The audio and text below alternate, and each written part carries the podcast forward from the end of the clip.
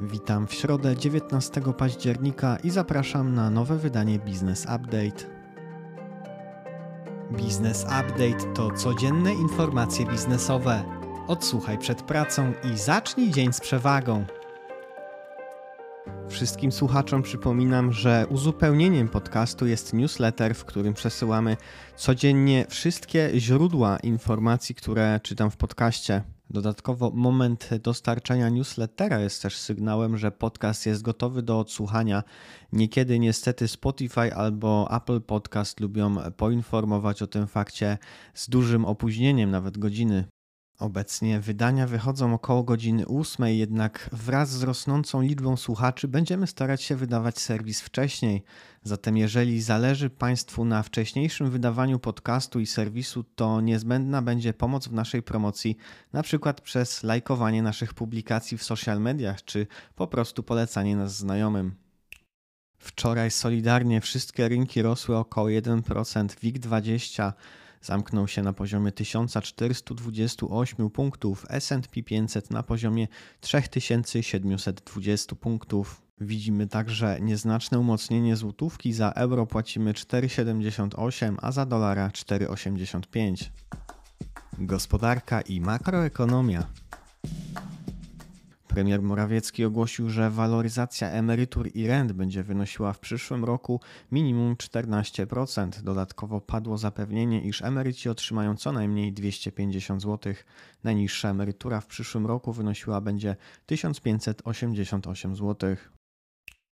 Joanna Tyrowicz z Rady Polityki Pieniężnej uważa, iż dane makroekonomiczne wskazują na potrzebną podwyżkę stóp procentowych na poziomie 100 punktów bazowych ocenia, że politykę pieniężną powinno się prowadzić w stronę dodatnich realnych stóp procentowych, podczas gdy obecnie są one silnie ujemne.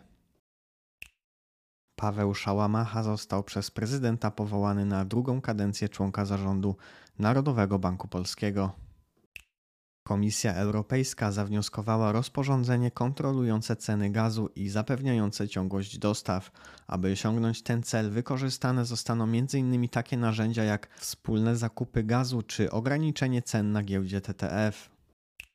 Wiadomości z zagranicy. Jeremy Hunt, nowy brytyjski minister finansów, zaprezentował zmiany podatkowe, które likwidują praktycznie wszystkie propozycje premier Liz Truss. Ma to na celu ratowanie będącego w trudnej sytuacji rynku obligacji. Rząd ma nadzieję pozyskać około 32 miliardy funtów rocznie. Informacje biznesowe. Komarch zawarł umowę dotyczącą rozwoju i utrzymania portalu klienta i usługi do komunikacji systemów ZUS. Umowa opiewa na ponad 70 milionów złotych brutto. Projekt przewidziany jest na 47 miesięcy. KGHM Polska Miedź zbiera kandydatury na prezesa lub wiceprezesa spółki do 3 listopada bieżącego roku.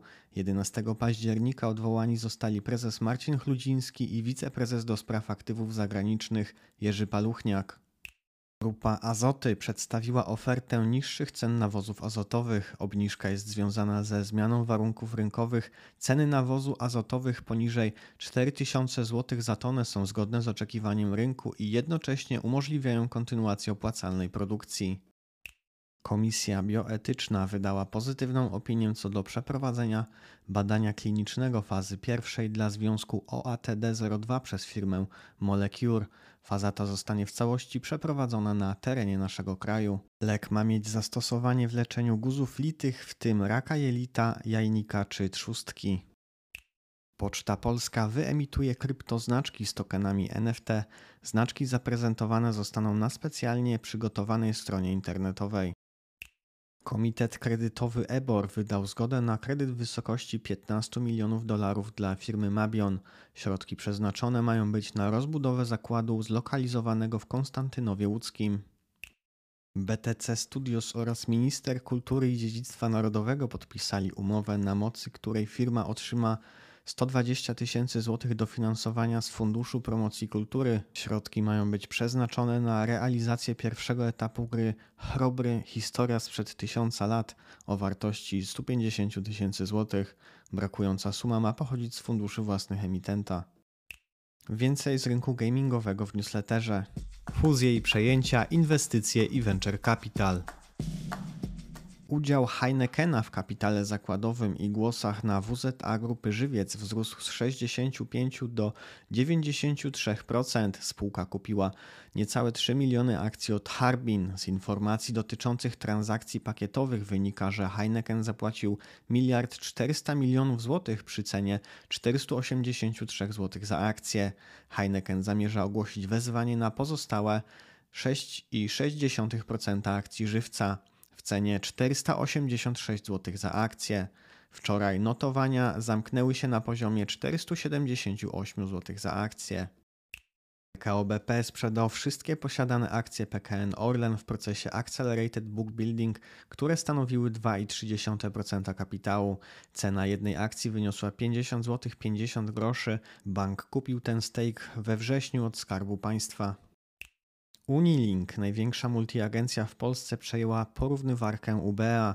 Zakup ten ma uzupełnić strategię omnichannelową obsługi klientów Unilink. Unilink ma obecnie około 1200 punktów sprzedaży. Spółka od 2018 roku znajduje się w portfelu funduszu Enterprise Investors, który ma w niej mniejszościowy udział. Alsendo, właściciel marki Apaczka z portfela funduszu Abris, stał się większościowym udziałowcem rumuńskiej firmy InnoShip. Abris wspomógł już Alsendo w przejęciu Sendit.pl oraz serwisu logistycznego Zaslat 3, prowadzącego działalność w Czechach i Słowacji. Chiński gigant Tencent dokonał kolejnych inwestycji w polską branżę gier. Ostatnio, ostatnio zainwestował w firmę Gruby Entertainment, obejmując 20% w podwyższonym kapitale. Wcześniej wybór padł na grupę OneSea Entertainment. W planach kolejne inwestycje.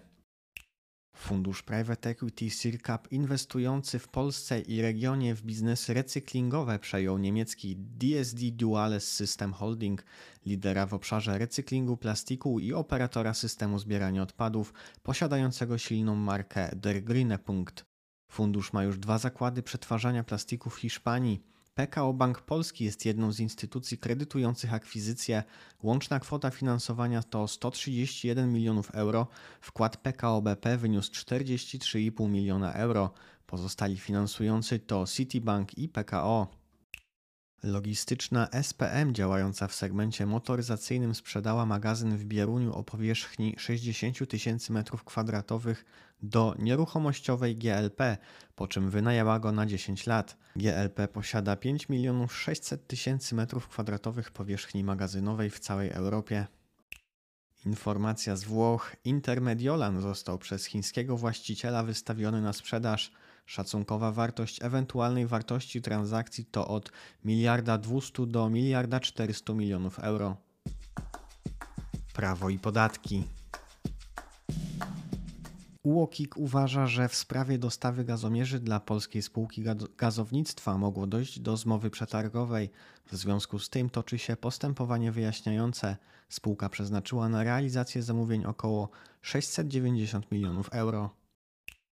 NSA orzekł, że spółka, która nie dochowała należytej staranności względem nadzoru nad okradającymi ją pracownikami, obowiązana jest do skorygowania podatku naliczonego od towarów utraconych. Nie miałaby tego obowiązku, gdyby kradzież nastąpiła z przyczyn niezależnych.